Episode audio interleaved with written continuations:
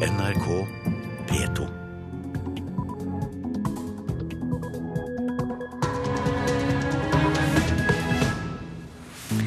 Velkommen til Nyhetsmorgen med Anne Jetlund Hansen. Klokka er 6.30. Dette er hovedsakene våre. I dag åpner OL i Sotsji i Russland. Vår korrespondent er straks med oss fra OL-byen. Og så er toppidrettssjefen med oss her i Nyhetsmorgen for å fortelle hvilke forventninger han har til dette mesterskapet. Bedrifter i Rogaland har varslet oppsigelser og permitteringer av 800 ansatte på tre måneder, og i dag så kommer Statoil med mer dårlig nytt for oljenæringen. Forsikringsselskapene vegrer seg mot å forsikre bygg som er fredet. Det holder ikke, mener Riksantikvaren. De er veldig bekymret, og det er ingen grunn til at eh, de som eier fredede bygninger skal ha dårligere forsikringer enn andre.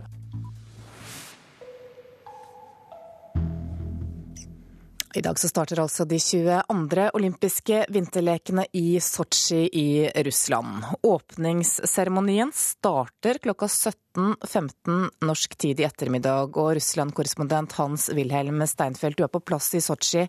Hvordan er været og stemningen der nå? Strålende morgensol, blå himmel, vindstille ved Fyrsthallen, der seremonien skal starte i ettermiddag. Og i høyfjellet er det kuldegrader. Her vil det bli en 80 grader nede i byen. Blant palmene ved kysten her så skjer en subtropisk by. Men OL sto i tjuvstartet. I går kveld hadde faktisk kunstløperne kort program. Og ikke uventet vant det russiske paret Tatjana Valasajar og eh, Maksim Trankov, som sto frem i Søndagsrevyen siste uke med sine forhåpninger. Så russerne har tatt sin første seier allerede. Men i kveld så er altså åpningsseremonien. Hva kan vi forvente av den? Det blir den andre russiske seieren. For den som står for det hele, er toppsjefen for den russiske første TV-kanalen. Og stanken er Konstantin Ernst. Han er en stor produser, produsent av underholdningsprogrammer. Og det blir veldig mye russisk kultur, ballett, musikk. Så vi kan vente oss en fantastisk uh, måte å vise frem Russlands solskinnssider under åpningsseremonien i dette Fisch-senteret. Fisch betyr snøkappe på adigay-språket, som er det lokale fjellspråket her nede. Og det er en av de høyeste toppene i Kaukasus-regionen her ved Sotsji. Har kritikken fra FNs generalsekretær når det gjelder homofile i Russland lagt noen demper på stemninga? En russisk avis skrev i går om dette at um, Russ, historien tvinger Russland til å gå mot Asia. Om det hjelper i dette spørsmålet, siden Ban Ki-moon er fra Korea, det gjenstår nå å se. Men uh, president Putin er klar over at han bare er med på en bølge når det gjelder uh, aversjon mot de homofile her i Russland. Der kirken er anføreren, og der det faktisk har dessverre bred støtte i det russiske folk. Mens den finske og den svenske idrettsministeren har valgt å takke nei, så skal altså Norges idrettsminister være til stede under seremonien i ettermiddag. Hvordan tolker russerne det? Det blir for positivt at Norge politisk er til stede, men det er jo svært mange statsoverhoder fra Vest-Europa og USA som ikke kommer hit i det hele tatt. Derimot kommer Norges kronprins her på mandag og skal være her i to dager. Se bl.a. curling på mandag. Så Norge hører ikke til de statene russerne mener så å si politisk boikotter dem under dette eh, OL-spillet. Får Putin tid til å styre Russland midt i all denne viraken?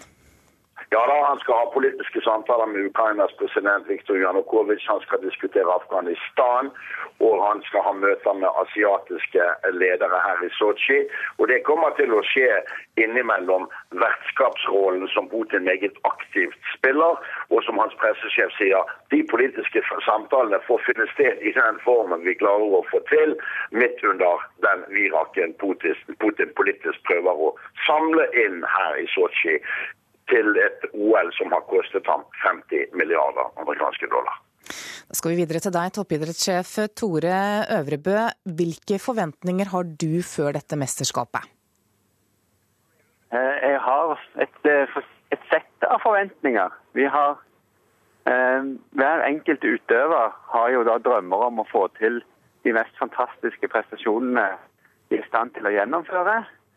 Og vi har også store prestasjoner, unnskyld, forventninger til eh, anleggene. Det ser veldig bra ut. Og vi har forventninger til oss sjøl som tropp til å kunne samle og få til disse tingene med felles glede og felles mål. Men hvilke utøvere har du størst forventninger til under dette mesterskapet?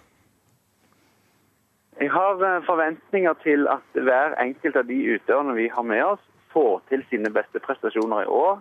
Og jeg vil ikke legge stø, altså Det er nok av forventninger til, knyttet til enkeltutøvere. Og vi vet at det er mange av våre utøvere som er nødt til å prestere på sitt beste for at vi skal nå vår felles målsetting.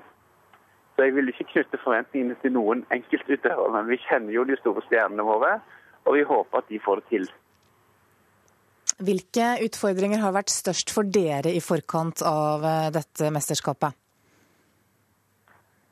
Ehm, de største De mest krevende oppgavene våre ligger egentlig bak oss nå. Har i, vi har hatt en lang planleggingsperiode, og det har vært mye dealing med forskjellige nivåer i det russiske samfunnet, for å si det sånn. Og det har vært en del prosesser som har vært ganske tungt, men det er også mye som har gått veldig bra.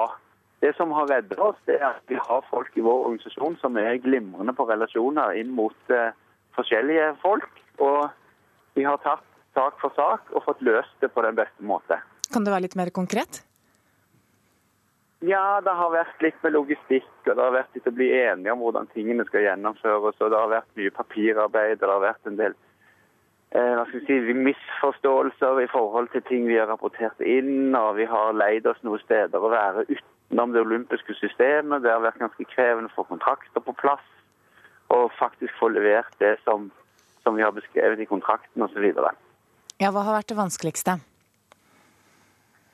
Nei, Vi har et hus da for eh, smørere, og det, det såkalte GLI-prosjektet, Ski 2014 som vi kaller det. Der har det vært en del eh, praktiske vanskeligheter med å få strøm, med å få bygget uh, huset ferdig og få levert de tingene som, huset skulle inneholde når vi kom. Det har vel vært det mest uh, krevende. Og så er det litt i forhold til å ta med ting fra Norge som utøverne liker å ha, altså norsk mat og sånn, som de liker å ha når de er ute og reiser for å få en følelse av eh, hjemmearena også når de er ute. Det har vært krevende å få til. Det har vært mye fokus på sikkerheten under eh, dette mesterskapet. Hvordan opplever dere den nå? Vi ser at det er massiv sikkerhet. Når vi reiser opp og ned i dalen, her, så ser vi jo at det er politi og soldater utplassert tett i tett. og Det er bunkere i landskapet, og det er gjerder og det er piggtråd. Men det å være inne i systemet her, det oppleves veldig smidig og veldig greit. Og Russerne er høflige og de er blide, og de, de, lager ikke noe eh, stressa situasjoner så langt, i hvert fall inne i sikkerhetssystemet. Og to av dem som skal i ilden er Therese Johaug og Kristin Størmer Steira. De er skuffet over at OL-løypene i Sotsji er gjort lettere. Det siste året så er bakkene blitt slakere, og det mener de norske jentene er en fordel for Marit Bjørgen. Ut ifra det folk har sagt fra før, så trodde jeg kanskje at løypa skulle være enda hardere enn det hun, hun var. Det sier Therese Johaug, som nærmest er litt skuffet. For løypene i Sotsji har siden prøve-OL i fjor fått et stempel som knallhard, med lange, tunge bakker. Til tross for at noen av bakkene er flattet ut foran lørdagens 15 km med skibytte, er det nettopp oppover Johaug har sin styrke. Ja, det er helt klart at det kan være å starte fra, fra bunnen. Og det er, langt, det er, langt, oppover der. Og det er mye som skjer akkurat i den siste bakken eh, inn til mål der. Så der tror jeg nok kanskje det blir, blir avgjort. Så jeg er veldig forberedt på at eh, det kommer til å være med mange helt dit. Kristin Størmer Steira vant prøve-OL her i Sotsji i fjor. Og også hun har sett for seg bakkene som sin mulighet til å gå fra. Heller ikke hun er videre optimistisk. Nei, Den, den er tøff og den, den blir hard, men uh, som det ble sagt inne her, så, så, er det noe helt annet når uh, sola skinner og det er skarpt føre, enn når snøen laver ned og det blir tungt. Så har de faktisk òg gjort litt endringer på på noen av de bakkene som har blitt litt slakere. Så den er kanskje litt, litt uh, lettere enn i fjor. Men uh, jeg tror nok at vi skal få, få bryne oss, ja. For Marit Bjørgens del virker den nye løypeprofilen å passe henne perfekt. Dermed er hun om mulig en kanskje enda større favoritt, ettersom det blir lettere å henge med også i bakkene. Jeg må jo bruke min styrke, og det er jo kanskje på slutten av et løp. Johaug på sin side stempler favoritt i ansiktet på lagvenninnen. Eh, jeg ser på en måte at mulighetene mine er der, men Marit må nok eh, regne med at hun er den største favoritten i feltet. Reporter i Sotsji er Mats eh, Håby. Sosialistisk Ungdom vil forby reklame under OL. SU-leder Andreas Halse har fremmet et ønske om et nytt reglement. Moderpartiet SV vil nå legge dette frem for Stortinget. Det som er viktig for oss, er at så mange som mulig får med seg fantastiske idrettsprestasjoner under OL. Da må vi unngå at f.eks. femmila eller stafetten blir avbrutt av, av reklame når det er på sitt, sitt, aller mest spennende. I dag starter OL i Sotsji, og for mange nordmenn ligger det mye spenning i hvordan et OL med reklame vil bli. TV 2 har som kjent sikret seg rettighetene til lekene, og kanalen kan sende tolv minutter med reklame i timen. Reklamen kan de sende når de vil, og det åpner for reklamepauser også under øvelsene. Leder i Sosialistisk Ungdom, Andreas Halse, er mildt sagt lite imponert over dette. Det er først nå jeg har blitt klar over problematikken. i hvert fall. Mange spår at TV 2 kommer til å avbryte sendinger med reklame. Det må vi få gjort noe med før det er for seint, sånn at vi kan få mest mulig ut av både dette OL, men også framtidige idrettsarrangementer. Og SU får støtte fra moderpartiet SV. Stortingsrepresentant Snorre Valen sier at de skal prøve å få på plass et reglement for å hindre reklamer under øvelsene. Vi er nødt til å enten eh, sende et spørsmål direkte til statsråden, eller fremme et forslag i Stortinget der vi ber regjeringa om å regulere muligheten til å sende reklame under idrettsarrangement. Kommunikasjonsdirektør Rune Indrøy i TV 2 er på sin side sikker på at de skal klare å gi seerne gode opplevelser, til tross for reklameavbrudd. Noen av øvelsene kommer til å ha eh, reklameblokker, men vi eh, har fått et eh, veldig fleksibelt system å forholde oss til. Og vi kommer til å ha seeren i fokus hele tiden. Vi kommer til å være veldig skånsomme. Og Indrøy stusser over forslaget til SV. Det blir en nokså sær diskusjon, dette. Vi kommer ikke til å gjøre noe som forstyrrer disse eh, sendingene. Og, og, og, eh, vi har drillet våre folk når det gjelder plassering av reklameblokker. Ettersom at OL starter i dag, så har nok SV for kort tid på seg til å få på plass et nytt reglement før lekene starter. Så det spørs om ikke Snorre Valen må leve med frykten for å gå glipp av viktige OL-sekund. Midt i femmila så skjer det et rykk eller et fall, og går man glipp av det, så tror jeg mange med rett fleste blir veldig, veldig skuffa og sur. Det hadde i hvert fall jeg blitt. Reporter var Henrik Agledal. skal vi ta en kikk på dagens aviser og se hva de har på forsidene sine i dag. Aftenposten skriver at ungdom får levert smuglersprit på døra hjemme av egne spritdrosjer. Da avisas medarbeidere ringte, så kunne drosjen med spriten komme i løpet av ti minutter. Milliardær Endre Røsjø mener at Statoil-sjef Helge Lund må gå fra jobben. Han sier til Finansavisen at Statoil de siste årene har brukt masse penger på oppkjøp i utlandet, samtidig som resultatene er så dårlige at folk blir sagt opp her hjemme. Han mener derfor at regjeringen bør skifte ut hele ledelsen i selskapet.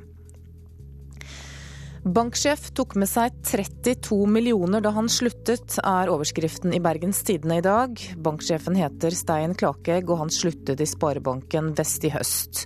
Da fikk han med seg fire års etterlønn pluss 15 millioner kroner i allerede opptjent pensjon. Klassekampen har intervjuet forsker og Afghanistan-veteran Steinar Skaar, som kritiserer Natos krigføring i nettopp Afghanistan.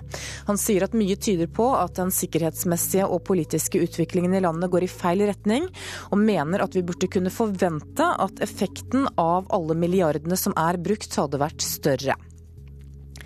Nervekrig om samarbeidsavtalen er overskriften i Dagbladet. Regjeringen møter KrF og Venstre om en rekke konfliktsaker som må løses i løpet av våren. Og Ifølge avisa så er det forhandlingene om en ny asylavtale som kan ødelegge samarbeidet mellom partiene. Bankene opplever sin gullalder. Aldri har de tjent mer penger enn nå, skriver Dagens Næringsliv. De største bankene økte overskuddet med over en femdel i fjor. Kommentator Elin Ørjasæter ber prester si nei til at ekteskap nummer to for fraskilte kan foregå i kirken, det skriver Vårt Land. Men en av kirkens egne, nemlig prest Henke Førts, syns at det er oppsiktsvekkende at det går an å komme med et slikt utsagn i 2014. Nortura kjører fra konkurrentene, er overskriften i Nasjonen. Nortura har fått en markedsandel på egg på nesten 80% nå.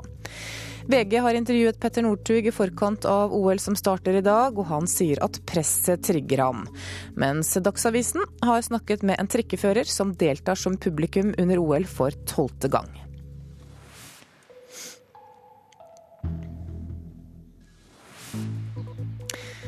Nå er klokka 6.45. Du hører på Nyhetsmorgen. Dette er hovedsakene våre. I dag åpner OL i Sotsji i Russland. Toppidrettssjefen har store forventninger til de norske utøverne.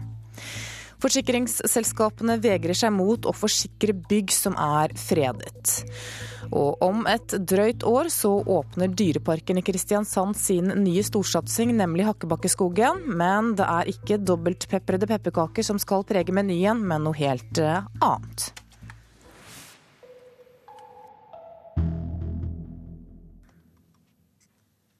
Bedriftene i Rogaland har meldt om 800 oppsigelser og permitteringer til Nav de siste tre månedene. Årsaken er kostnadspresset i oljebransjen. Og i dag så forteller Statoil om nye kuttplaner som vil ramme mange norske bedrifter. Oljeekspert Jaran Rystad sier flere oljeselskaper, Statoil inkludert, er i en midlertidig pengeknipe. Det vi da har sett, det er at hvis du reduserer bemanningen brått og aktiviteten brått, så eh, ser vi at to-tre år etter så må du kompensere for det med faktisk å sette inn enda større bemanning. Fordi at du mister da folk som på en måte har mye kompetanse og som jobber effektivt med de prosessene de er i. Og så må du ofte utdanne nye folk inn i det. I dag kommenterer vår hjemlige oljegigant tallene for fjoråret, og Statoil forteller om veien videre. Statoil er en stor aktør på norsk sokkel, sånn at eh, det som det selskapet gjør for å få ned sin eh, kostnadsbase, det får effekt for en rekke andre bedrifter i Norge. Administrerende direktør Stein Lier Hansen i Norsk Industri har fått varsel om Statoil-kutt fra medlemsbedriftene. Mine medlemmer, da, som er store leverandørbedrifter, har fått signaler om at inngåtte kontrakter må vurderes på nytt. Eh, en ser på muligheten for reforhandlinger, og en ser på muligheten fra oljeselskapenes side til å utsette eh, det vi kan kalle modifikasjonsoppdrag og vedlikeholdsoppdrag på sokkelen f.eks. Leverandørbedrifter i oljefylket Rogaland har varslet oppsigelser og permitteringer av 800 ansatte bare de siste tre månedene. Dette er forhåndsvarsler som kan bli omgjort, men det kan fort bli flere også. De er i en situasjon som kan ligne på et oljepriskrasj-situasjon, selv om det ikke har vært et oljepriskrasj. Og Det er fordi at de totale kostnadene i investeringer og operasjonskostnader da, over de siste årene har øket kraftig, samtidig som oljeprisen har gått litt nedover. Og Det gjør at uh, faktisk de åtte største oljeselskapene av de uavhengige oljeselskapene i verden de opplevde i snitt å være cash-nøytrale etter at de har betalt ut utbytte til aksjonærene sine i fjor. Altså det, vil si det var ingen kroner igjen, ingen dollar igjen, når utbyttet var betalt. Og Jaran Rystad i Rystad Energy er klar på hva Statoil må gjøre for å balansere ut virksomheten. Innkjøp som du kanskje kan få gjort noe med, og det er også letekostnadene. Og så er det prosjekter som enda ikke er startet, og det er ganske mange av disse små, mindre modifikasjonsprosjektene som gjøres med ombygginger av plattformer eh, i Nordsjøen. Og Der har du litt valgfrihet på om du ønsker å starte det prosjektet nå, eller om du ønsker å vente ett eller to år. Likevel så tror jeg de må fortsette å både låne penger og å selge felt for å komme i balanse. Reporter var Hedvig Bjørgum. Finansministeren ønsker seg et samfunn der både offentlig og privat sektor er mer effektive enn i dag. I dag presenteres kommisjonen som skal gi regjeringen råd om produktivitet. Mandatet er todelt, sier finansminister Siv Jensen fra Fremskrittspartiet. De skal jo både kartlegge hvorfor vi har hatt et fall i produktivitetsveksten i Norge gjennom de siste årene. Og de skal se på hvilke tiltak vi kan iverksette for å øke den igjen. Finansministeren drømmer om en tid der alle er mer produktive, mer effektive og jobber smartere. Både i privat og offentlig sektor. Seks menn og fire kvinner er plukket ut til Jensens produktivitetskommisjon. De skal forsøke å finne nøkkelen til et mer produktivt samfunn. Det er jo sånn at Hvis vi bare får en vekst i produktiviteten på 0,2 prosentpoeng, så vil det være mer verdifullt for norsk økonomi i de neste 40 årene enn hele oljefondet. Men hva hvis noen av anbefalingene de kom med er på tvers av det som er Fremskrittspartiets politikk? Hvordan vil du forholde deg til det? Jeg vil ikke bli overrasket i det hele tatt, ja. hvis det kommer anbefalinger som både alle vil være enig i, og som mange vil være uenig i. Men produktivitetskommisjon, det høres litt kjedelig ut. Hvorfor skal folk være interessert i en produktivitetskommisjon? Jeg er helt enig i at ordet høres veldig kjedelig ut. Men det er jo egentlig en debatt som veldig mange mennesker mener noe om allerede. De mener noe om byråkratiet i offentlig sektor.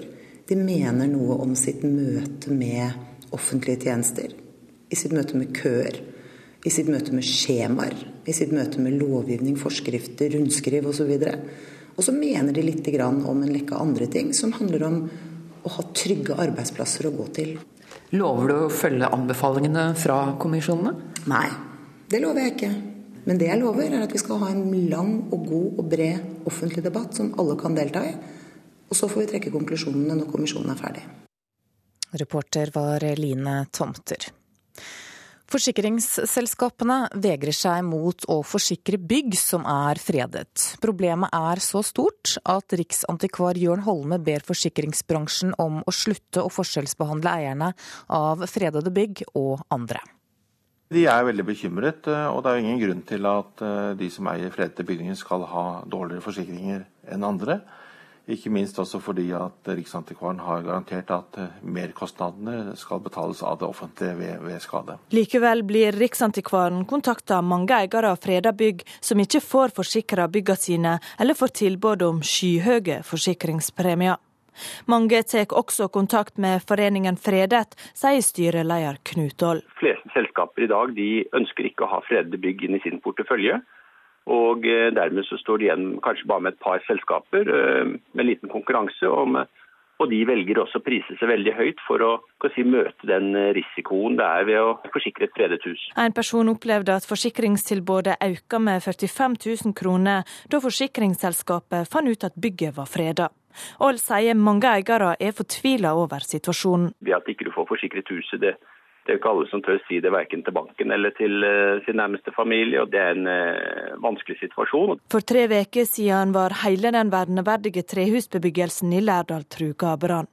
Et freda hus brant ned til grunnen, og tre andre verna bygg ble totalskadde i storbrannen.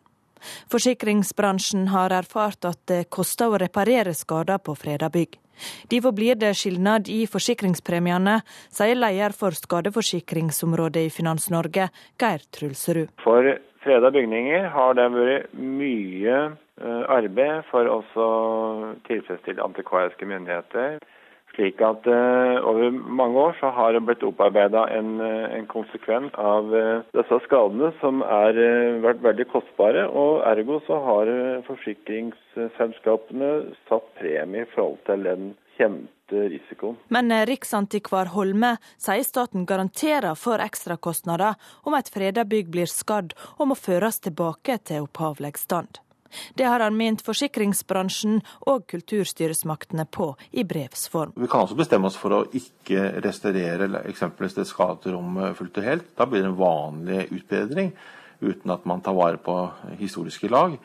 Eh, men hvis vi bestemmer oss for at ja, dette rommet er såpass viktig å, å, å tilbakeføre, så tar vi ekstrakostnadene utover det en fullverdiforsikring dekker. Men garantien har ikke fungert, mener Trulsrud. Det er ingen som ser effekten av det markedet, som jeg kan begripe. Og da vil uh, selskapene operere som om ikke noe har skjedd, før de på en måte ser at dette virkelig slår til, at Riksantikvarens midler blir brukt.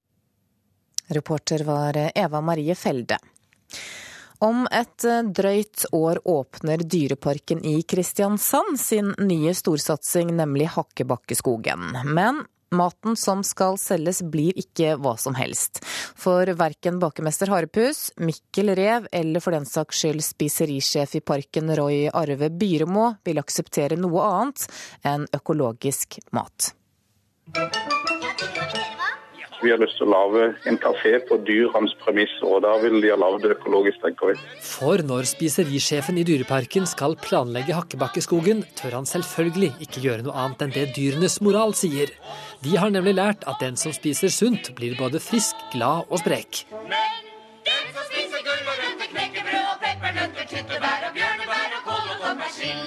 Hva tror du Morten Skogmus og Mikkel Rev vil si til dette her? Jeg tror de blir veldig fornøyde, for de er jo veldig opptatt av at eh, du skal passe på alle dyrene. og Du skal liksom ha fokus på sunn mat. og du skal, Selvfølgelig så har I historien så er det både pepperkaker og kaker, men det, er i Dyreparken så sier vi at det er lov å kose seg litt. Så da tenker vi at de som kommer i Dyreparken, de har litt lørdag når de er i Dyreparken. I fjor søkte Dyreparken om økonomiske midler fra landbruksavdelingen hos Fylkesmannen i Vest-Agder til et forprosjekt for å se på om det er mulig å drive Hakkebakkeskogen økologisk. Nå sier Dyreparken at dette går an, og det skal de få til fra våren neste år. Det er utmerket. Gå i gang. Det er i gang. Jeg går utmerket. Assisterende landbruksdirektør i Vest-Agder, Unni Svagård, synes dette er gøy, og synes de får altfor få søknader av denne typen. Vi skulle gjerne sett eh, mye mer av eh, etterspørsel og, og produksjon, men uh, vi er jo veldig glad for de som sender inn søknader, som har lyst til å snuse på og finne ut av om dette kan være aktuelt for dem. Og da er det klart at Der er jo Dyreparken interessant nettopp fordi at de er store, og at de er et utstillingsvindu for veldig mange som besøker landsdelen vår. da. Når en pepperkake baker, baker pepperbakekake, tar han første stekegryte og en kilo margarin Finn Aasheim er organisasjonssjef for Norges Bondelag, avdeling Agder. Jeg tenker nok at Det viktigste signalet er at eh, det handler mest om bevissthet rundt bruken av mat. Eh, og Sunn mat, god mat, trygg mat. Eh, at det da er økologisk merkelapp på det, det gjør jo ingenting. Og selv om det ennå er over et år til Hakkebakkeskogen åpner, er Roy Arve Byremo allerede i gang med å planlegge den økologiske menyen. Vi tenker at vi må følge det dyrene i skogen, de sine prinsipper. At du blir doven og slapp av kjøttmat og sånn. Så vi, vi tenker hvordan skal vi klare å lage det med grove brød. og og hvordan skal vi kunne gjøre det med ulike typer pålegg som ikke er kjøttmat. Så, så, Det er det vi holder på med i forprosjektene, å finne ut hvordan skal vi klare å opprettholde det som disse dyrene i Hakkebakkeskogen synger om.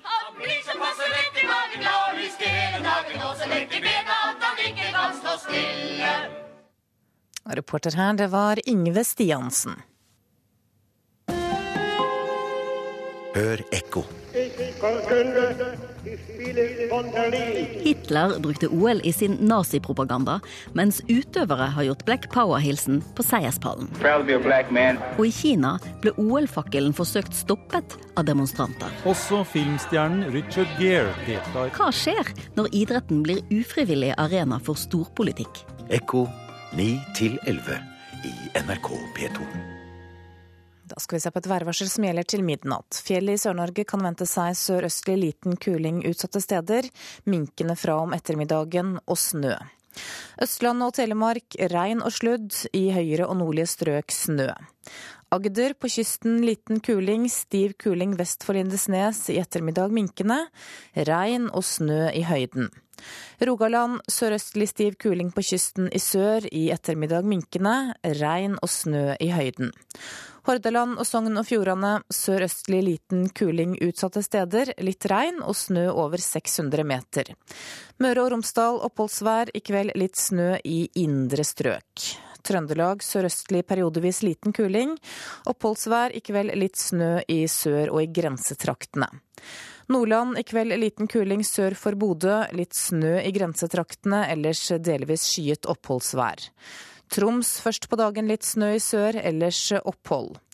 Finnmark liten kuling utsatte steder, litt snø på vidda og lengst øst, ellers opphold. Og på Nordensjøland på Spitsbergen sørøstlig frisk bris og litt snø. Så tar vi med noen temperaturer som ble målt klokka fire. Da hadde Svalbard lufthavn null grader, Kirkenes minus fem, Vardø minus to, Alta minus én, Tromsø minus tre, Bodø to, Brønnøysund tre, Trondheim to, Molde og Bergen og Stavanger fem, Kristiansand fire, Gardermoen null, Lillehammer minus to og Røros minus tre.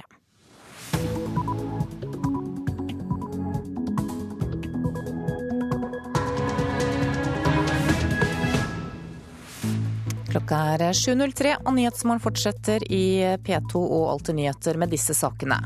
Politiet bruker for mye tid på psykisk syke. Det stjeler tid fra andre oppgaver, ifølge Politiets Fellesforbund. Erna Solberg har skapt usikkerhet om kommandolinjene for nasjonal sikkerhet og beredskap. Det mener lederen i Stortingets justiskomité. Og så er utenriksministeren vår på vei inn i studio her. Han skal gi oss status når det gjelder FNs tusenårsmål.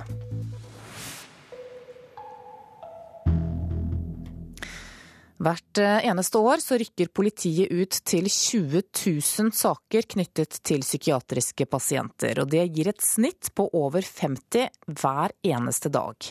Dette er unødvendig bruk av ressurser, sier Politiets Fellesforbund.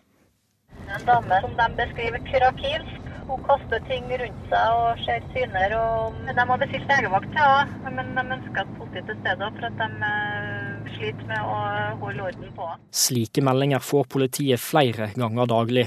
En analyse fra 2010 kom fram til at norsk politi rykker ut over 20 000 ganger årlig i psykiatrisaker. Nå advares det mot ressursbruken til politiet knytta til psykiatriske pasienter. Vi får ikke tilført ekstra rammer for dette, så det betyr at andre typer oppgaver blir skadelidende eh, all den tid man gjør disse oppgavene. Slik fungerer det i dag. Det sier fagforeningsleder Sigve Bolstad i Politiets Fellesforbund. Han forteller videre at politiet bruker unødvendig mye av sin tid på psykisk syke mennesker. Jeg kan bekrefte at det går med mye tid eh, og ressurser til eh, slike typer oppgaver. Også et regjeringsoppnevnt utvalg som utredet framtidens norske politi, var tydelig på at dette er et problem. Utvalget foreslo i 2013 at helsevesenet selv bør stå for transporten av psykisk syke. Politiet bør kun bistå der det er et spesielt behov, og at det bør opprettes egne psykiatriambulanser i hele landet. Vi mener at dette ikke er godt nok organisert i dag. Helseminister Bent Høie er enig i at det er et problem at politiet ofte er først ute til å hente inn psykisk syke mennesker. Helsevesenet bør ta mer av ansvaret, og han forteller at regjeringen kommer til å satse på bl.a. en egen type ambulanse med kvalifisert personell for å håndtere psykisk syke. Helsetjenesten må tidligere inn og tidligere ut, eh, og det er jo en av grunnene til at eh, regjeringen bl.a. løfter fram tilbudet om eh, psykiatriambulanse i regjeringsplattformen. Disse psykiatriambulansene har vært prøvd ut i Bergen og Stavanger med positive resultat. Ambulansene blir nå den nasjonale løsningen på problemet. Og derfor har òg regjeringen satt av 10 eh, millioner kroner i budsjettet for 2014 for å begynne å bygge opp kompetansen for å kunne etablere psykiatriambulansetilbud. Fagforeningsleder Sigve Bolstad i Politiets Fellesforbund ønsker psykiatriambulanser velkommen. Han etterlyser først og fremst en avklaring som gjør at psykisk syke blir møtt av fagfolk med riktig kompetanse. Politiet ikke, har jo ikke en spisskompetanse på å behandle det som går på, eh, på, på psykiatri. De oppgavene man har, da må det tilføres eh, en tilstrekkelig kompetanse og ressurser for å kunne gjøre de slik at det blir høy eh, kvalitet på de oppgavene man skal gjøre. Det er viktig for oss. Reporter var Henrik eh, Agledal. I Bergen så har også denne typen spesialambulanser vært i drift siden 2005. Og seksjonsoverlege ved akuttmedisinsk seksjon ved Haukeland sykehus, Guttorm Brottebø. velkommen til Nyhetsmorgen. Takk for det. Aller først så må du forklare hva som er forskjellen mellom en psykiatriambulanse og en vanlig ambulanse. Ja, Hvis du ser ambulansen utenfra, så ser den helt make ut. Men uh, bemanningen er litt annerledes. Uh, vanligvis er en ambulanse bemannet med to personell. Men psykiatriambulansen som vi har, er da bemannet med tre personell. Og det er to personell som da har spesialkompetanse for å håndtere akutt syke mennesker. Og så er det én ambulansepersonell som vi kjenner fra, fra vanlig. Hvilke erfaringer har dere med bruk av slike psykiatriambulanser? Etter vi startet med, med, vår ambulanse i 2005, så har vi jo sett at dette har vært tiltak som har kommet eh, mange pasienter til gode. Og ambulansen har nå utført ja, nærmere 15 000 oppdrag. Det betyr en fem-seks oppdrag i døgnet. Og den er på hjul hver dag hele uken. Og er dermed et tilbud for pasienter som er akutt syke, og som ellers i mange tilfeller ville bli behandlet og transportert av politi istedenfor kvalifisert medisinsk eh, personell. Ja, hvilke konsekvenser får det for pasientene at det er politiet som henter dem mange steder i dag, og ikke helsepersonell?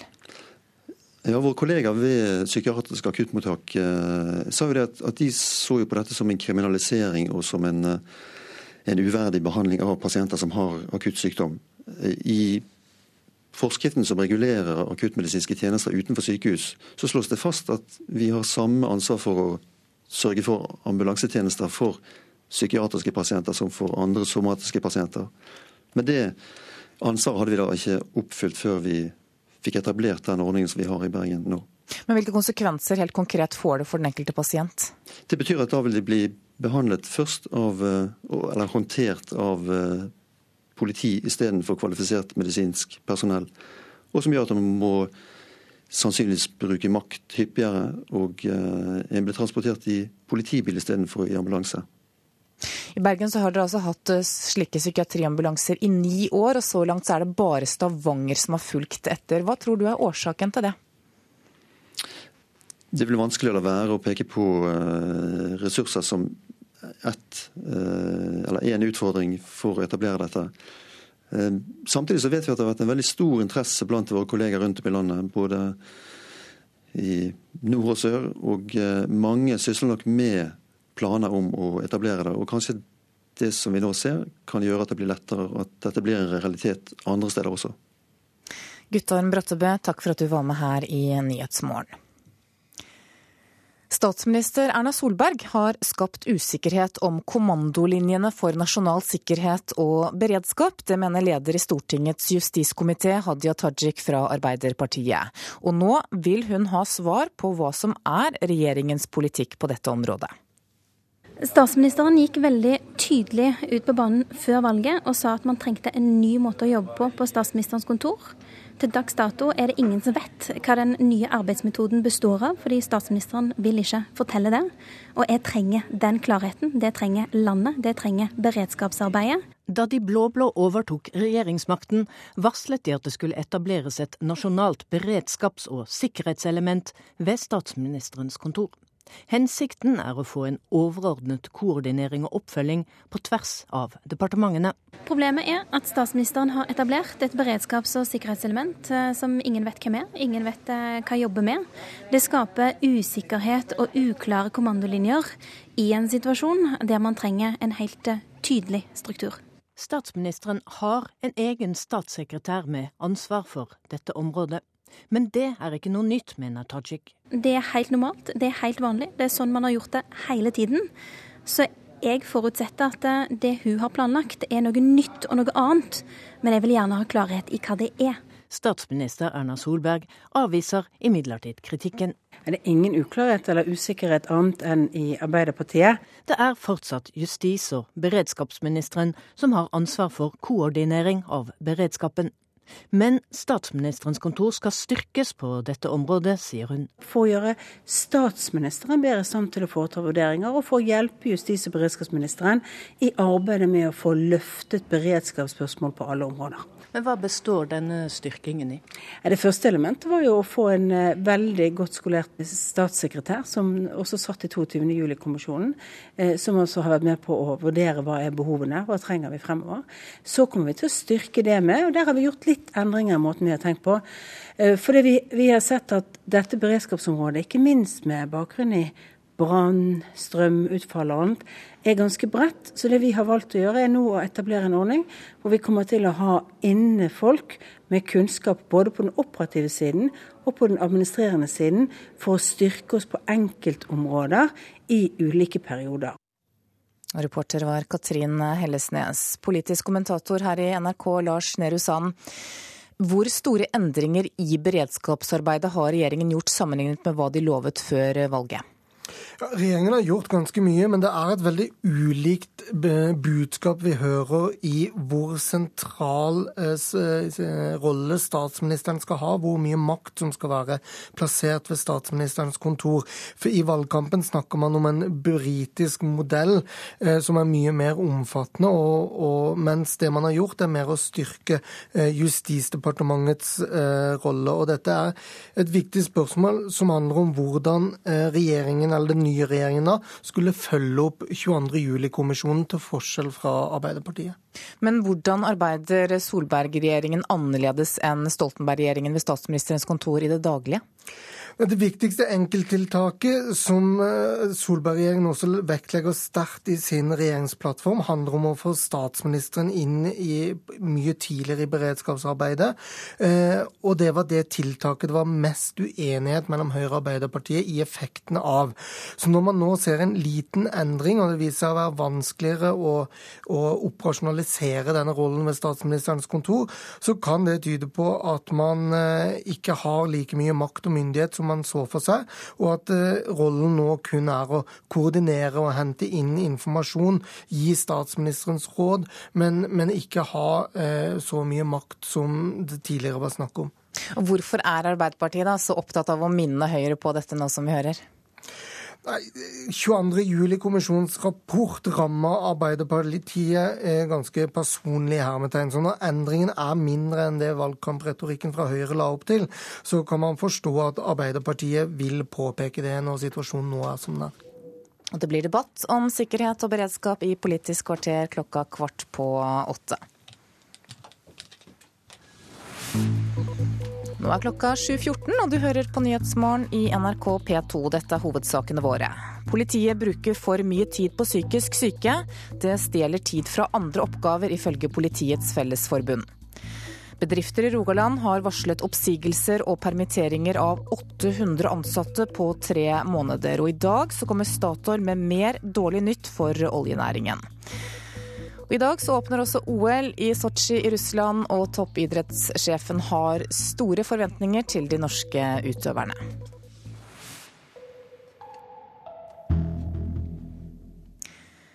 I september 2000 så slet verdens ledere seg til toppmøte i New York og forpliktet seg til FNs tusenårsmål for utvikling.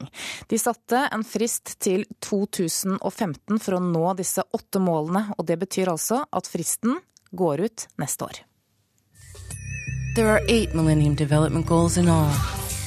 Det er ikke få informasjonsvideoer FN-systemet har produsert for å forklare hva tusenårsmålene er.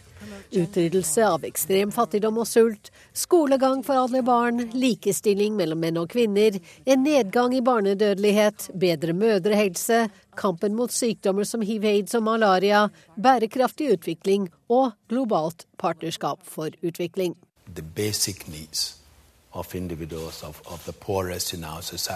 De grunnleggende behovene for de fattigste i vår verden, sier han som var FNs generalsekretær da målene ble til, Kofi Annan.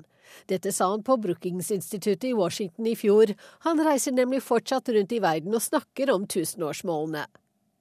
Flere av målene er allerede oppnådd, det overordnede halvering av den ekstreme fattigdommen blant annet. Men på mange områder er det lite eller ingen framgang å spore, og neste år går fristen ut. Til de landene som ikke har nådd målene, sier Amman, vær utholdende. Og til de landene som har klart dem, sier han, sikt høyere. Og det sa utenriksmedarbeider Wenche Eriksen. Eh, utenriksminister Børge Brende, velkommen. Tusen takk. Er det det som er problemet, at vi ikke sikter høyt nok? Man sikta jo rimelig høyt eh, i 2000 og skulle halvere eh, antallet ekstremt fattige i verden. Det målet har man nådd før tida, men nå må vi sikte frem til 2030. Og Norges utgangspunkt er at man da skal avskaffe all ekstrem fattigdom frem til da. Og det er jo 1,2 milliarder mennesker som da er ekstremt fattige i verden i dag. Ja, Hva skal til for at vi skal klare det?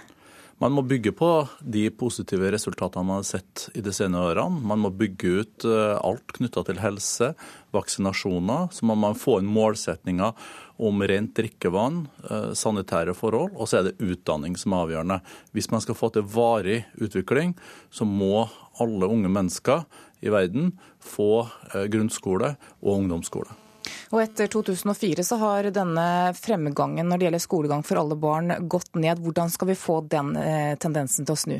Det er jo en av de tingene som er veldig skuffende. Selv Norge har jo satsa mindre relativt sett på utdanning eh, de siste årene, så den trenden må snus. Og i dag skal jeg ha, sammen med statsministeren, et eh, møte med alle i det sivile samfunn i Norge som jobber med dette, for da å se hvordan Norge kan aksle ledertrøye når det gjelder også da uh, utdanning, og ikke minst utdanning for jenter. For det er jo spesielt jenter som henger etter.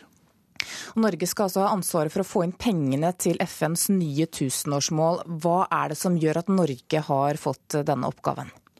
Ja, FNs eh, generalsekretær og FN har nå bedt Norge om da, å lede arbeidet med gjennomføringa av tusenårsmålene innen 2015. Det er det da statsminister Erna Solberg som skal lede. Og så er vi nå også bedt om å lede det arbeidet som skal legge grunnlaget for at det er nok ressurser til å gjennomføre tusenårsmålene frem til 2030. Det heter såkalte Monterrey-prosessen, for det var der man ble enige om det i 2000. Og dette er jo helt avgjørende, dette med utviklingshjelp og bistand for å få til målene et viktig element, i tillegg selvsagt til handel, gjeldspolitikk, stoppe ulovlig kapitalflyt og lignende. Ja, hva blir det vanskeligste når det gjelder å få finansieringen i orden her? Det er jo at eh, mange land faktisk da gir for lite bistand. Eh, mange land har ikke nådd FNs målsetning om at 0,7% av bruttonasjonalprodukt skal gå til utviklingshjelp. Mange land ligger på 0,2, 0,3. Eh, Så det er en forutsetning, og at dette ses i en bred sammenheng, hvor både handelspolitikk, investeringer og dette med ulovlig kapitalflyt også blir satt på dagsorden. Da må jeg bare si lykke til til deg, Børge Brende, med det arbeidet. En lekket telefonsamtale mellom USAs viseutenriksminister og landets ambassadør til Ukraina skaper reaksjoner. I samtalen bruker viseutenriksministeren svært grovt språk om EUs behandling av krisen i Ukraina, og utveksler planer for hvordan de skal påvirke opposisjonen i landet. USA anklager Russland for å ha avlyttet og lekket denne telefonsamtalen. I dag starter etter planen de første leveransene av humanitær hjelp til sivilbefolkningen i den syriske byen Homs. Dette skjer etter at de to partene i borgerkrigen ble enige om en midlertidig våpenhvile for å hjelpe folk i den beleirede gamle byen. I Rio de Janeiro i Brasil så har hundrevis av demonstranter i natt vært i nye sammenstøt med politiet. Demonstrantene markerte sin misnøye med økte billettpriser på offentlig transport, og i dag så økes billettprisene med 9 i Bosnia er over 100 politifolk skadd i demonstrasjoner og opptøyer i byen Tusla nord i landet. Demonstrantene er sinte fordi de mistet jobben etter at myndighetene privatiserte arbeidsplassene deres. Det haglet i stein- og tåregassgranater da politiet i byen Tusla nord i Bosnia forsøkte å beskytte rådhuset. Demonstrantene mener seg dårlig behandlet av myndighetene som har privatisert industriarbeidsplasser i stor stil. Så har de private selskapene gått dukken, og arbeiderne mistet jobbene sine. Nå står de uten lønn, uten pensjon og uten helseforsikring. Bosnia har en arbeidsløshet på nær 30% den høyeste i hele Balkan. Og demonstrasjonene i Tusla spredte seg i går til hovedstaden Sarajevo og flere andre byer. Over 100 politifolk og 30 sivile ble behandlet på sykehus bare i Tusla i går. Og demonstrasjonene utviklet seg til ren vandalisme gjennom natten. Det er varslet at demonstrasjonene skal fortsette i dag. Det sa reporter Stig Arild Pettersen.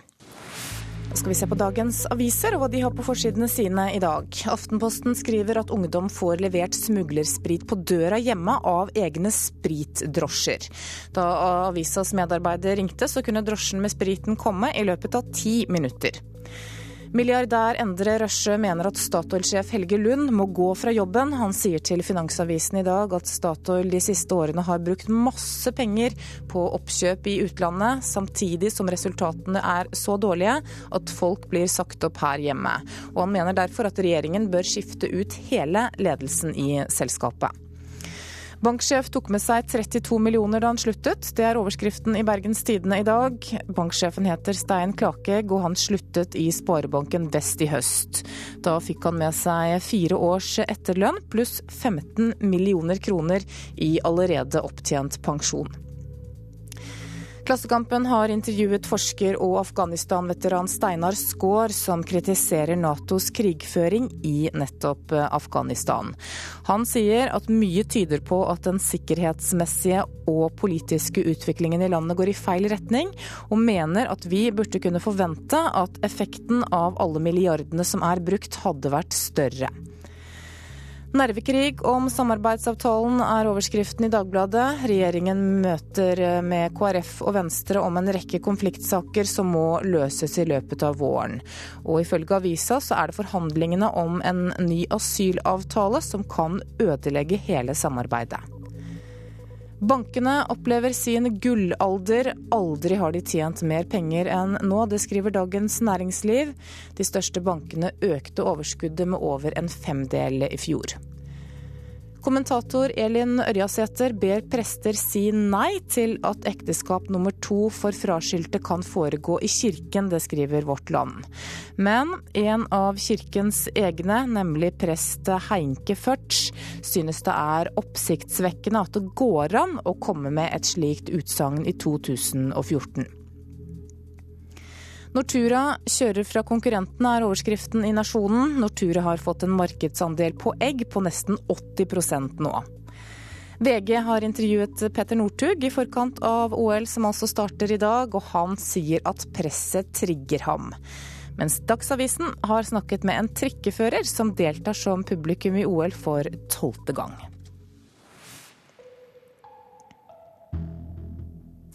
For det er altså i dag at de 22. olympiske vinterlekene starter i eh, Sotsji i Russland. Åpningsseremonien starter klokka 17.15 norsk tid i ettermiddag, og vår Russland-korrespondent Hans-Wilhelm Steinfeld er på plass i Sotsji strålende morgensol, blå himmel, vindstille ved Fysthallen, der seremonien skal starte i ettermiddag. Og i høyfjellet er det kuldegrader. Her vil det bli en 80 grader nede i byen. Blant palmene ved kysten her så skjer en subtropisk by. Men i kveld så er altså åpningsseremonien. Hva kan vi forvente av den? Den som står for det hele, er toppsjefen for den russiske første TV-kanalen, og stanken er Konstantin Ernst. Han er en stor produser, produsent av underholdningsprogrammer. Og det blir veldig mye russisk kultur, ballett, musikk. Så vi kan vente oss en fantastisk uh, måte å vise frem Russlands solskinnssider under åpningsseremonien. Får Putin tid til å styre Russland midt i all denne viraken? Ja da, Han skal ha politiske samtaler med Ukrainas president Viktor Janukovitsj. Han skal diskutere Afghanistan, og han skal ha møter med asiatiske ledere her i Sotsji. Og Det kommer til å skje innimellom vertskapsrollen som Putin meget aktivt spiller, til et OL som har kostet ham 50 milliarder amerikanske dollar. Men vinteridrett og OL-sendinger fenger ungdommen i mindre grad enn tidligere. Mens elevene tidligere maste om å få se på ski og skøyter på storskjerm, så er det nå knapt en eneste forespørsel om dette. Det forteller flere rektorer på videregående skoler i Rogaland. Ungdommen velger heller Netflix fremfor Northug. Petter opp i rygg. Ja. Det blir en liten luke bak Petter, men eh, Ostiogo klarer å tette den. Italia følger. Foreldrene mine ser på det, men jeg er ikke så veldig interessert i det. Jeg tror ikke det er så veldig mange som er ekstremt interessert i vinteridrett lenger. Kanskje ikke, ikke i Stavanger, i hvert fall. Fordi det kan være litt kjedelig. Når det liksom går så lange løp, så er det sånn kjedelig å se på. De bryr seg knapt om Petter Northug og Marit Bjørgen, og gir egentlig blanke blaffen i OL. Det er mange år siden rektor Leif Gunnar Vikene på Bergeland videregående skole i Stavanger har fått spørsmål fra elevene om å se OL i timene. Det er helt dødt, det er ikke mas i det hele tatt. Elevene, jeg har fra min kant ikke fått noen forespørsel om noe som helst, og det har jeg ikke de siste årene heller. Så det virker som at det er noe mer laber interesse for, eh, for, disse tingene blant ungdommene. Det er det ikke tvil om. Kommer opp på sida av Kalle Halvorsen. Og to av disse ungdommene er medieelevene Magnus Haga Kvale og Guri Barka Martins. De kommer ikke til å mase om skiskyting på storskjerm. Jeg tviler veldig sterkt på at det er folk på media som har press på det. altså. Men jeg sitter ikke og ser på liksom 20 km eh, langrenn og, eh, og sånn. Ja. Jeg føler jeg har andre ting å bruke tida på. Hva er det som er så kjedelig med det? Nei, altså Folk som går 20 km på ski. bare, bare det. Og heller ikke på andre skoler er det mange som er opptatt av OL. NRK har vært i kontakt med mange rektorer rundt omkring i Rogaland, og samtlige sier det samme som Leif Gunnar Vikene. Interessen er ikke som før i tida. Nei, det er ting som utvikler seg. Det kan være mange ting, det. det jeg husker Fra min tid så var det jo veldig aktuelt. og Det, det var jo mye det som var livesendinger. ikke sant? Det var idrett direkte. Ellers var det jo mye av det var hermetikk og opptak og redigert. Det var én ting. Og så var det jo mye av disse idrettsfolka de var jo stjerner i vår tid. Det var det, det de var. Og vi syntes jo det var kult og tøft å, å følge med. Vi er oppe i sju, sju gull til Norge. Det at vi har fått en så stor valgfrihet innenfor, liksom, ja, innenfor mediehverdagen vår, gjør jo at det er færre som ser på f.eks. vinter-OL. Fordi at det, man kan velge det vekk. I Før i tida så var det på en måte det du var interessert i, og så var det detektivtimen, holdt jeg på å si. Og så, så, så alle på det, og Melodi Grand Prix. Og det var det alle var interessert i. Men nå kan du på en måte, nå er det blitt så mye forskjellig å velge mellom, så da Da blir Northug kjedelig istedenfor eh, gode serier på Netflix, altså? Jeg syns det, i hvert fall. Så ja. og så kjører Petter, og svensken har ingenting å svare med! Det blir norsk! Håndmann! Der er gullet norsk! Reporter her, det var Øystein Ellingsen. Klokka er, eller nærmer seg i hvert fall 7.30. Du lytter til Nyhetsmorgen nå. I Politisk kvarter om et kvarters tid så møter Hadia Tajik fra Arbeiderpartiet statssekretær Hans Røstjorde fra Fremskrittspartiet for å diskutere ansvaret for beredskapen og nasjonal sikkerhet. Produsent for Nyhetsmorgen i dag er Ulf Tannes Fjell, og her i studio Anne Jetlund Hansen.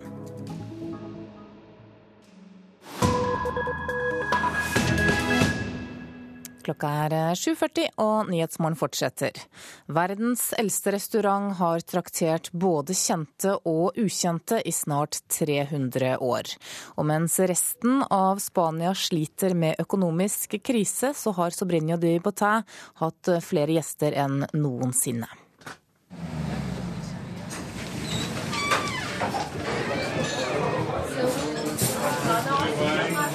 Rett ved Plaza Mayor, inn en dør, og du tas et par hundre år tilbake. Bak en velbrukt skranke i et hjørne sitter en mann og noterer dagens omsetning. En kelner står ved siden av og skjærer skinke i tynne skiver. Folk sitter tett i tett rundt små trebord. Restauranten er over fire etasjer, og aldri har de hatt flere gjester enn nå. Es más, los últimos años han sido quizá los mejores. De siste fire årene har vært våre beste, forteller eieren Antonio Gonzales Gomez. Han er tredje generasjon som driver restauranten, etter at besteforeldrene kjøpte den av familien som har gitt den navnet. Restauranten ble åpnet av franskmannen Chabotin i 1725, forteller Gomez. Det er ikke gjort mange forandringer siden oppstarten. Bortsett fra små endringer for å bedre smaken, eh, er selv den mest populære matretten den samme. Stekt pattegris. De har den her inne, sier Gomez.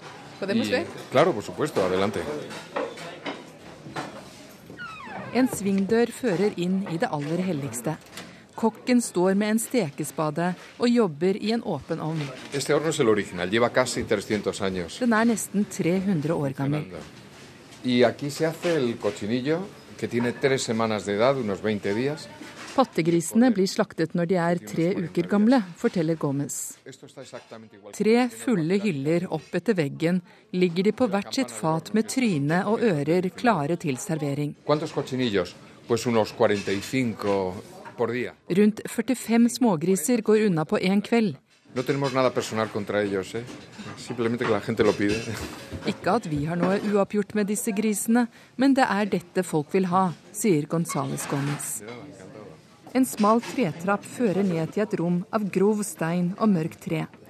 Tunge langbord står på rekke og rad innover i det mørke lokalet.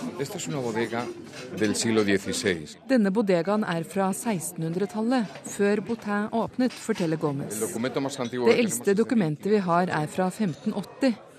På en vegg i restauranten henger et maleri fra den tiden. Además un cuadro que está muy valorado en, los, en, los, en el mundo histórico. Det er et historisk viktig bilde, fordi det viser ganske nøyaktig hvordan Madrid så ut da den ble hovedstad, forteller han. Først i 1606 ble Madrid offisielt Spanias hovedstad. Da var det det eneste gjestehuset som eksisterte i Madrid, der landarbeidere kunne få seg en matbit og noe å drikke, sier Antonio Gonzales Gomez. Historien forteller også at den verdensberømte maleren Francisco Goya arbeidet som oppvaskhjelp ved El Botin for å tjene til livets opphold mens han ventet på å komme inn på Kunstakademiet. Han er en i rekken av berømte personer som har vært innom. Her har de traktert både kongelige og andre, som Sylvester Stallone, Danny DeVito, Hillary Clinton, Graham Greene, James Mitchner, John Dos Passos og ikke minst Ernest Hemingway, har alle latt romanens protagonister bli servert pattegris med en god rødvin til. Det var vår europakorrespondent Åse Marit Befring som hadde vært på restaurant. Det var klokka 7.44. Du lytter til Nyhetsmorgen. Dette er hovedsakene våre. Politiet bruker for mye tid på psykisk syke. Det stjeler tid fra andre oppgaver. Og nå kommer det flere egne psykiatriambulanser. I dag kommer Statoil med mer dårlig nytt for oljenæringen, og det betyr at flere kan miste jobben. I dag så åpner OL i Sotsji i Russland, og toppidrettssjefen har store forventninger til de norske utøverne.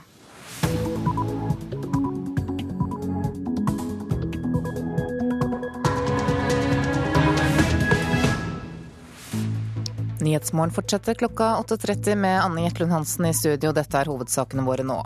I dag åpner OL i Sotsji i Russland. Det har vært mye kritikk i forkant, men utenriksministeren mener at dette har gitt oss mulighet til å diskutere vanskelige temaer. De første leveransene av humanitær hjelp til sivilbefolkningen i den syriske byen Homs starter i dag, etter at den midlertidige våpenhvilen nå er på plass. Statoil må kutte i kostnadene. Selskapets overskudd er mindre enn ventet.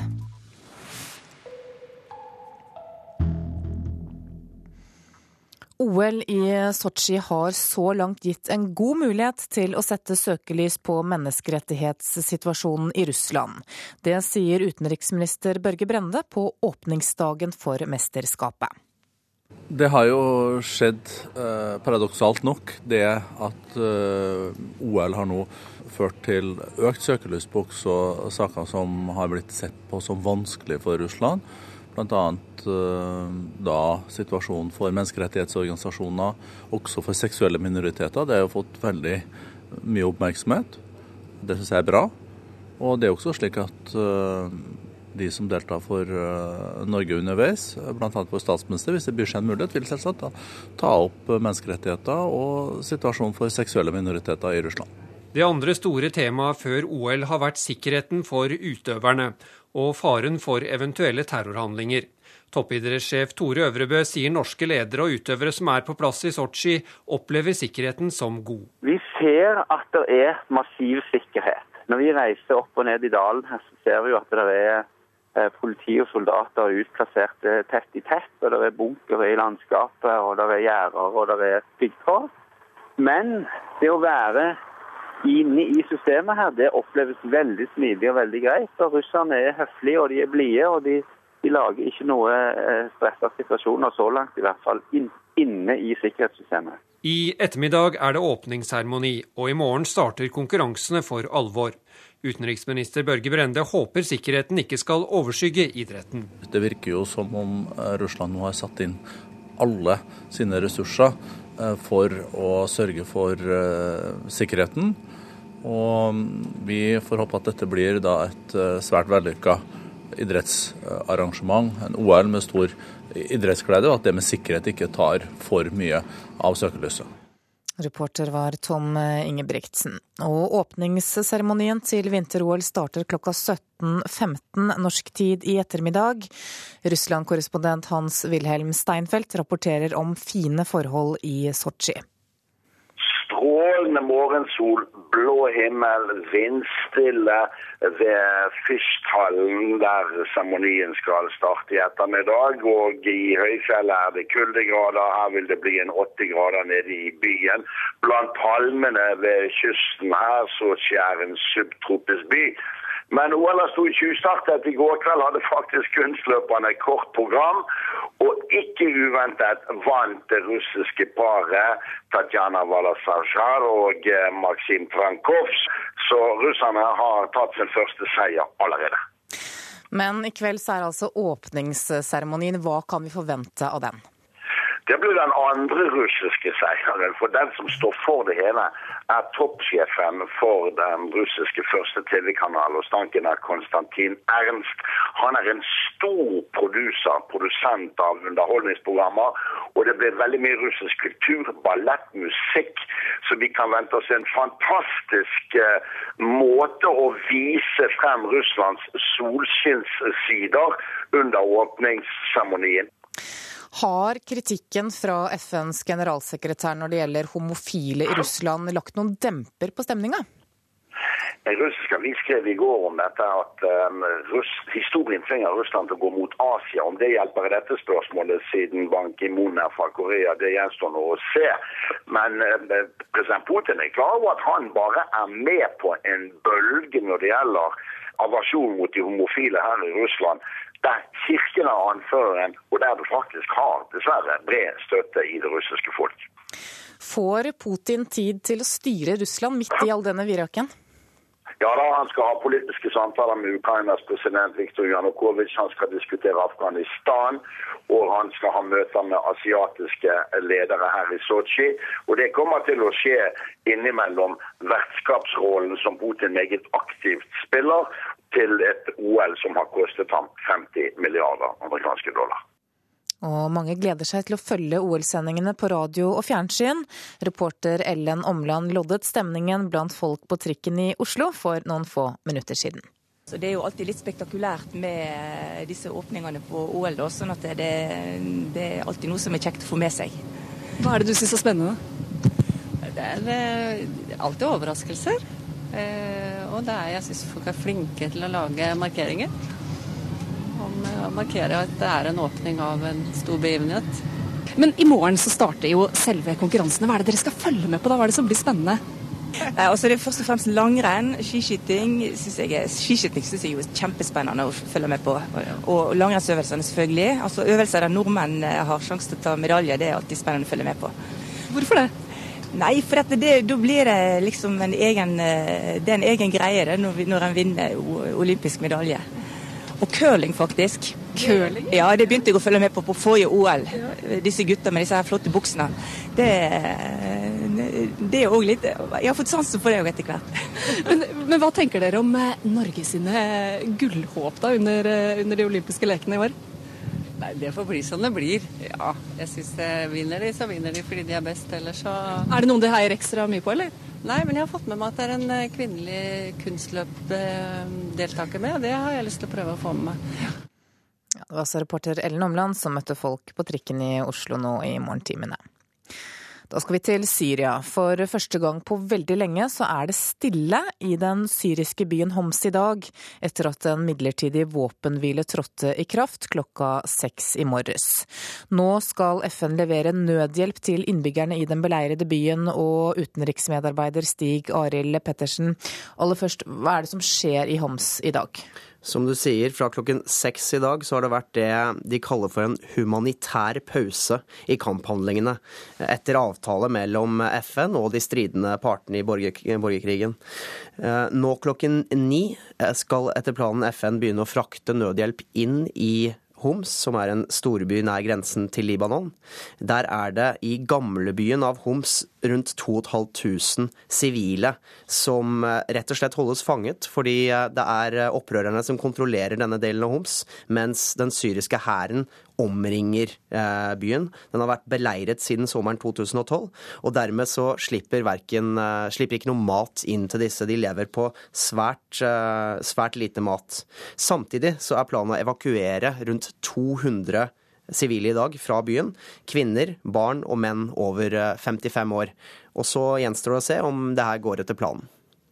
Og mens det er rolig i Homs, så meldes det om mange drepte i storbyen Aleppo de siste dagene. Hva vet vi om det som skjer der? Aleppo er jo Syrias eh, største by. Den ligger nær uh, Tyrkia, nord i landet. Og der har de siste seks dagene, etter flere rapporter, Eh, over 250 mennesker blitt drept av det som kalles for tønnebombing.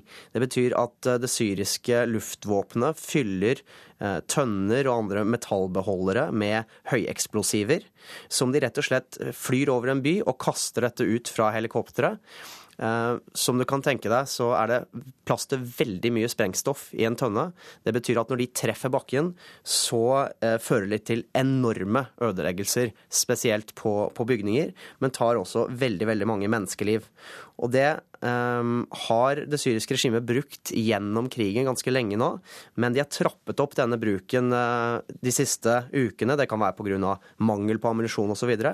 Men altså i Aleppo så har de fått merke dette med over 250 drepte de siste dagene. FN gikk ut i går og fordømte denne bruken fordi den rett og slett ikke klarer å skille på mål.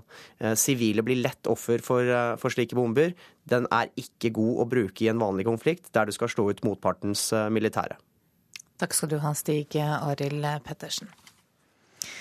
Hvert eh, eneste år rykker politiet ut til 20 000 saker knyttet til psykiatriske pasienter, og det gir et gjennomsnitt på over 50 hver eneste dag. Dette er unødvendig bruk av ressurser, sier Politiets Fellesforbund. En dame som de beskriver kyrakilsk, hun kaster ting rundt seg og ser syner. Og de har bestilt legevakt, ja, men de ønsker at politiet til stede for at de eh, sliter med å holde orden på. Slike meldinger får politiet flere ganger daglig. En analyse fra 2010 kom fram til at norsk politi rykker ut over 20 000 ganger årlig i psykiatrisaker. Vi får ikke tilført ekstra rammer for dette. så det betyr at andre typer oppgaver blir skadelidende eh, all den tid man gjør disse oppgavene. Slik fungerer det i dag. Det sier fagforeningsleder Sigve Bolstad i Politiets Fellesforbund. Han forteller videre at politiet bruker unødvendig mye av sin tid på psykisk syke mennesker. Jeg kan bekrefte at det går med mye tid eh, og ressurser til eh, slike typer oppgaver. Vi mener at dette ikke er godt nok organisert i dag. Helseminister Bent Høie er enig i at det er et problem at politiet ofte er først ute til å hente inn psykisk syke mennesker.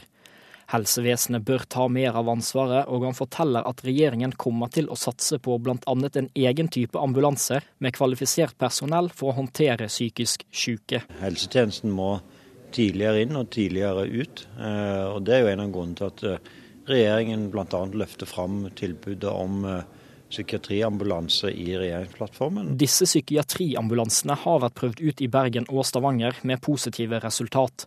Ambulansene blir nå den nasjonale løsningen på problemet. Ja, derfor har òg regjeringen satt av 10 eh, millioner kroner i budsjettet for 2014 for å begynne å bygge opp kompetansen eh, for å kunne etablere eh, psykiatriambulansetilbud. Reportere var Henrik Agledal og Øyvind Bye Skille. Og som vi hørte, så har altså Bergen denne, hatt denne typen spesialambulanser i drift siden 2005. Og seksjonsoverlege Guttorm Brottebø ved akuttmedisinsk seksjon ved Haukeland sykehus forklarer hva som er forskjellen på en psykiatriambulanse og en vanlig ambulanse.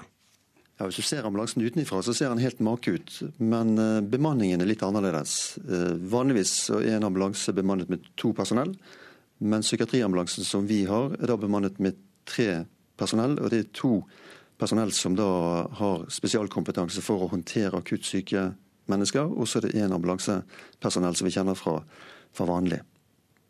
Hvilke erfaringer har dere med bruk av slike psykiatriambulanser? Etter vi startet med, med, vår ambulanse i 2005, så har vi jo sett at dette har vært tiltak som har kommet eh, mange pasienter til gode. Og ambulansen har nå utført eh, ja, nærmere 15 000 oppdrag.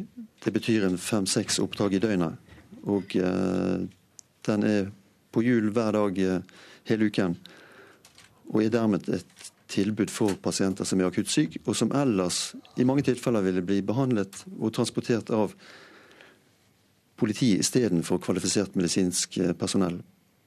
Ja, hvilke konsekvenser får det for pasientene at det er politiet som henter dem mange steder i dag, og ikke helsepersonell? Ja, Vår kollega ved psykiatrisk akuttmottak eh, sa jo det at, at, de så jo på dette som en kriminalisering og som en, eh, en uverdig behandling av pasienter som har akutt sykdom.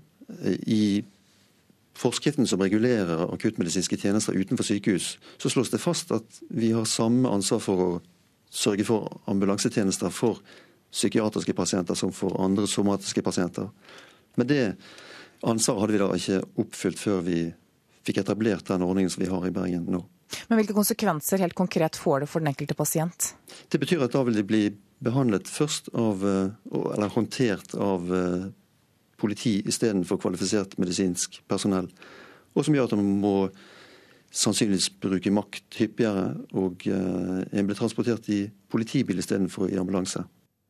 Guttorm Brattebø er seksjonsoverlege ved Haukeland sykehus. Nestleder i Senterpartiet Ola Borten Moe sier partiet må forsøke å bygge en ny allianse med Venstre og Kristelig Folkeparti. Moe sier at de tre sentrumspartiene har mye av det samme verdigrunnlaget, og at de derfor bør forsøke å samarbeide. Eh, nå er det først og fremst viktig for Senterpartiet å konsentrere seg om egen politikk, eget prosjekt. Så tror jeg at det er både klokt og viktig å bygge sterkere allianser inn mot sentrum i norsk politikk. Der er det et naturlig verdifellesskap med de to andre sentrumspartiene. Det er viktig å støtte de tradisjonelle motkulturene i Norge, bl.a. språksak og distriktspolitikk, sier Borten Moe. Jeg tror at eh, det er lurt av Senterpartiet å bygge allianser inn mot de to andre partiene uten at vi skal prioritere ned samarbeidet med Arbeiderpartiet og SV. Det er ikke et motsetningsforhold. Men nå lurer jeg på hvordan du skal få til dette. For nå har altså Venstre og KrF eh, etablert seg som støttepartier for en regjering der Senterpartiets hovedmotstander Fremskrittspartiet deltar. Det har jeg selvsagt, og det har Senterpartiet selvsagt registrert. Så tror jeg at alle som kjenner norsk politikk og har fulgt norsk politikk over litt tid, ser at det er har og er alltid vært stor dynamikk. Eh, det politiske bildet forandrer seg over tid. Eh, nå er det som er nytt denne gang, er i alle fall at eh, selv om Venstre og KrF støtter Høyre-Frp-regjeringa, så sitter de tre sentrumspartiene sammen på Stortinget for første gang siden 1997. I dag taler Ola Borten Moe på årsmøtet i Sør-Trøndelag Senterparti, der han har bred støtte. Samtidig skriver Aftenposten at ni fylkeslag ikke vil ha ham som nestleder. Da han var med i Politisk kvarter i morges, sa Borten Moe at han ikke lenger ønsker å delta i noen persondiskusjon. Eh, mitt fokus vil nå være å drive politikk eh, på vegne av eh, partiet. Prøv å få fokus over på det i våre fylkesårsmøter og, og ellers der vi treffes. Så er det en intern prosess hos oss som nå skal avgjøre hvem det er som skal bekle de ulike posisjonene. Og Jeg har selvsagt full tillit til at både valgkomiteen og landsmøtet kommer til å komme fram til en samlende og god løsning. Reporter var Per Arne Bjerke. Du lytter til Nyhetsmorgen. Klokka er 8.46. Dette er hovedsaker i nyhetene i dag. OL i Sotsji har så langt gitt en god mulighet til å sette søkelys på menneskerettighetssituasjonen i Russland. Det sier utenriksminister Børge Brende på for, åpningsdagen for mesterskapet. Egne psykiatriambulanser skal sørge for at politiet ikke må bruke så mye tid på å hente psykiatriske pasienter. Og følg oss videre, så skal du bl.a. få være med til verdens eldste restaurant. Før det så skal vi til London, for Statoil hadde et mindre overskudd enn det analytikerne forventet de tre siste månedene i fjor. Overskuddet er på 43,9 milliarder kroner, mot 45,7 milliarder kroner samme periode året før. Tallene presenteres for analytikere i London om et par timer, og London-korrespondent Espen Aas, Statoil varsler at investeringene skal kuttes med 8% sammenlignet med tidligere anslag. Hvorfor Hvorfor gjør selskapet det? Her må selskapet åpenbart begynne å velge litt hva midler og penger skal brukes på. Statoil har jo hatt en ganske skal vi si, aggressiv eh, investeringslyst de siste årene, uten at det har eh, regnet spesielt godt på, på aksjonærene som har investert i selskapet. Nå er det tydelig at de tenker annerledes og skal velge mer eh, hva som eh, er viktig å bruke penger på, og hva som er mindre viktig. Det er klart at eh, En del leteprosjekter og en del investeringsprosjekter de senere årene har blitt langt dyrere enn det, har, enn det selv hadde håpet. Ja, det, selskapet varsler jo også store kutt i kostnadene. Er argumentasjonen samme der? Mye av argumentasjonen er der. og Analytikere har jo også kritisert Statoil for å være litt for glad i å bare komme i gang med investeringer, vokse seg store og ikke ta fullt så mye hensyn til at mye av dette koster penger. Men dette er også dårlige nyheter for den enorme underskogen av underleverandører som er i Norge, som har levert til oljeindustrien og særlig Statoil gjennom mange år.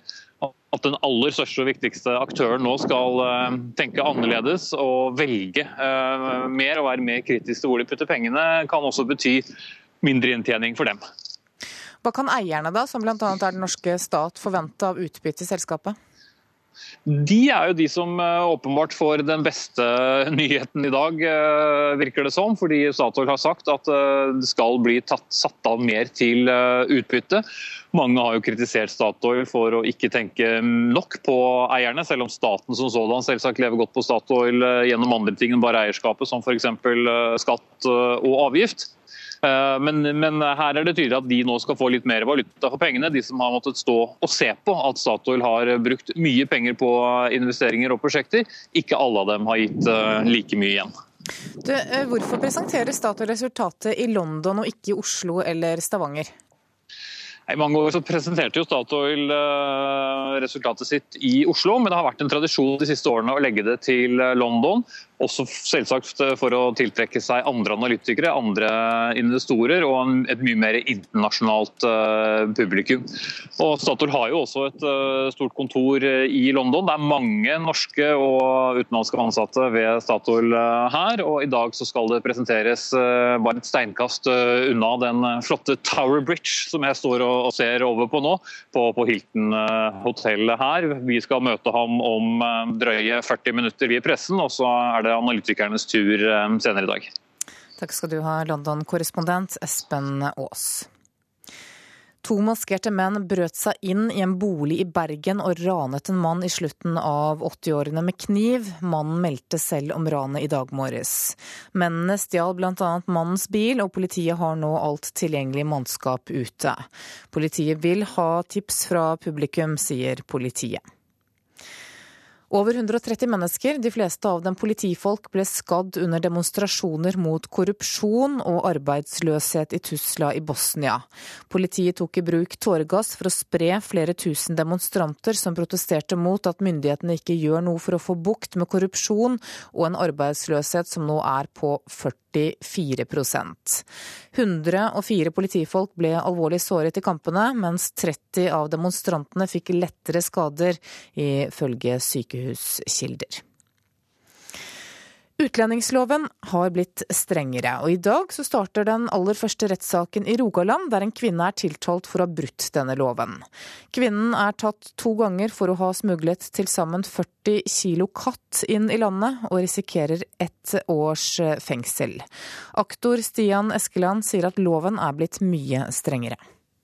Statsministeren gikk veldig tydelig ut på banen før valget og sa at man trengte en ny måte å jobbe på på statsministerens kontor. Før så var strafferammen eh, fengsel inntil seks måneder.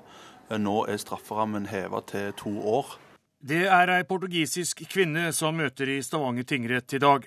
Kvinnen ble først tatt på Gardermoen med 20 kilo katt, og fikk to års innreiseforbud til Norge. Men bare 14 dager senere prøver hun seg igjen på Stavanger lufthavn Sola, sier Eskeland.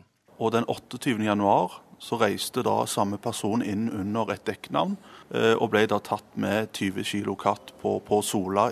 Kvinnen er nå tiltalt for brudd på utlendingsloven, brudd på narkotikaloven og også for falsk forklaring.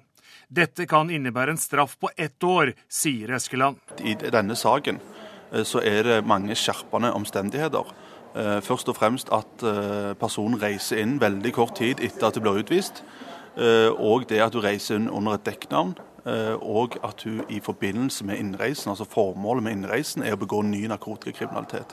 Kvinnens forsvarer Inge Marie Sunde sier dette er en kvinne som har handlet i nød. Dette er en kvinne som har måttet reise fra landet sitt fordi hun har mistet arbeid og ikke har hatt ikke har penger til å forsørge sine små barn. Hun ble tilbudt å gjøre denne jobben, og hun blir delvis truet.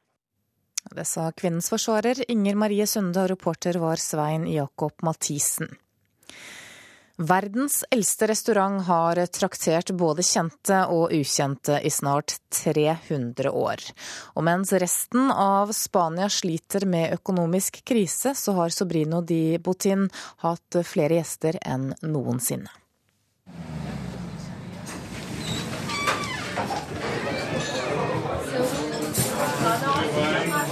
Rett ved Plaza Mayor, inn en dør, og du tas et par hundre år tilbake. Bak en velbrukt skranke i et hjørne sitter en mann og noterer dagens omsetning. En kelner står ved siden av og skjærer skinke i tynne skiver. Folk sitter tett i tett rundt små trebord. Restauranten er over fire etasjer, og aldri har de hatt flere gjester enn nå. Es más, los últimos años han sido quizá. De siste fire årene har vært våre beste, forteller eieren Antonio Gonzales Gomez. Han er tredje generasjon som driver restauranten, etter at besteforeldrene kjøpte den av familien som har gitt den navnet. Restauranten ble åpnet av franskmannen Chabotin i 1725, forteller Gomez. Det er ikke gjort mange forandringer siden oppstarten. Bortsett fra små endringer for å bedre smaken, eh, er selv den mest populære matretten den samme. Stekt pattegris. Vi har den her inne, sier Gomez.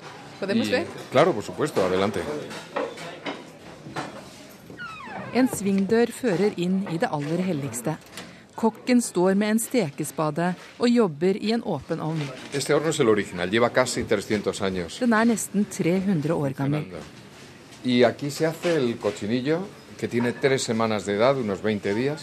Pattegrisene blir slaktet når de er tre uker gamle, forteller Gomez.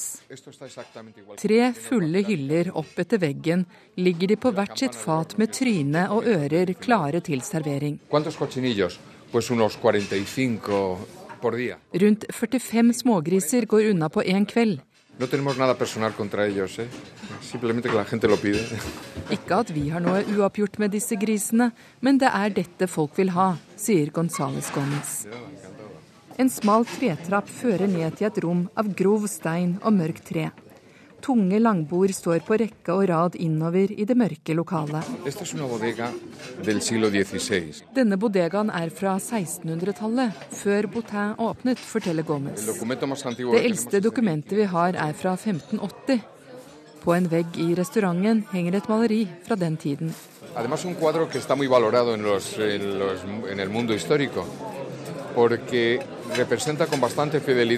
Det er et historisk viktig bilde, fordi det viser ganske nøyaktig hvordan Madrid så ut da den ble hovedstad, forteller han. Først i 1606 ble Madrid offisielt Spanias hovedstad. Da var det det eneste gjestehuset som eksisterte i Madrid, der landarbeidere kunne få seg en matbit og noe å drikke, sier Antonio Gonzales Gomez. Historien forteller også at den verdensberømte maleren Francisco Goya arbeidet som oppvaskhjelp ved El Botin for å tjene til livets opphold mens han ventet på å komme inn på Kunstakademiet. Han er en i rekken av berømte personer som har vært innom. Her har de traktert både kongelige og andre, som Sylvester Stallone, Danny DeVito, Hillary Clinton, Graham Greene, James Mitchner, John Dos Passos og ikke minst Ernest Hummingway har alle latt romanens protagonister bli servert pattegris med en god rødvin til. Og det var vår europakorrespondent Åse Marit Befring som hadde vært på restaurant. Nå skal vi se på et værvarsel som gjelder til midnatt. Fjellet i Sør-Norge kan vente seg sørøstlig liten kuling utsatte steder, minkende fra om ettermiddagen. Snø, men lite nedbør lengst nord. Østland og Telemark regn og sludd. I høyere og nordlige strøk er det ventet snø. Agder på kysten liten kuling, stiv kuling vest for Lindesnes. I ettermiddag minkende til skiftende bris. Regn og snø i høyere strøk. Rogaland sørøstlig bris, stiv kuling på kysten i sør. I ettermiddag minkende, regn og snø i høyden. Hordaland og Sogn og Fjordane sørøstlig liten kuling utsatte steder. Litt regn og snø over ca. 600 meter. Møre og Romsdal oppholdsvær og i kveld litt snø i indre strøk. Trøndelag kan vente seg sørøstlig periodevis liten kuling i dag. Oppholdsvær i kveld litt snø i sør og i grensetraktene. Nordland i kveld liten kuling sør for Bodø. Litt snø i grensetraktene eller delvis skyet oppholdsvær. Troms først på dagen litt snø i sør, ellers opphold og etter hvert mye pent vær. Finnmark sørlig bris, liten kuling utsatte steder. Litt snø på Finnmarksvidda og lengst øst, ellers opphold. Og på Nordenskjøll-land på Spitsbergen er det ventet sørøstlig frisk bris i dag, og litt snø.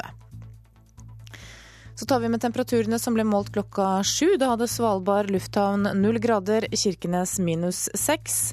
Vardø minus to, Alta minus tre, Tromsø minus én, Bodø to, Brønnøysund tre, Trondheim én. Molde, Bergen og Stavanger alle fem grader. Kristiansand tre, Gardermoen én, Lillehammer minus to. Røros minus tre, og på Oslo-Blindern så var det pluss tre grader da klokka var sju i morges. Og når det gjelder temperaturutsiktene, så er det ventet litt lavere temperatur i Hordaland og i Rogaland. Uendret eller litt stigende ellers i Sør-Norge. Og i Nord-Norge og på Spitsbergen så er det ventet uendret eh, temperatur. Ansvarlig for nyhetssendingene denne morgenen heter eh, Arne Fossland. Produsent for Nyhetsmorgen i dag var Ulf Tannes Fjell. Teknisk ansvarlig Marianne Myrhol, og her i studio Anne Jetlund Hansen, som ønsker deg en eh, fin fredag. Hør flere podkaster på nrk.no podkast.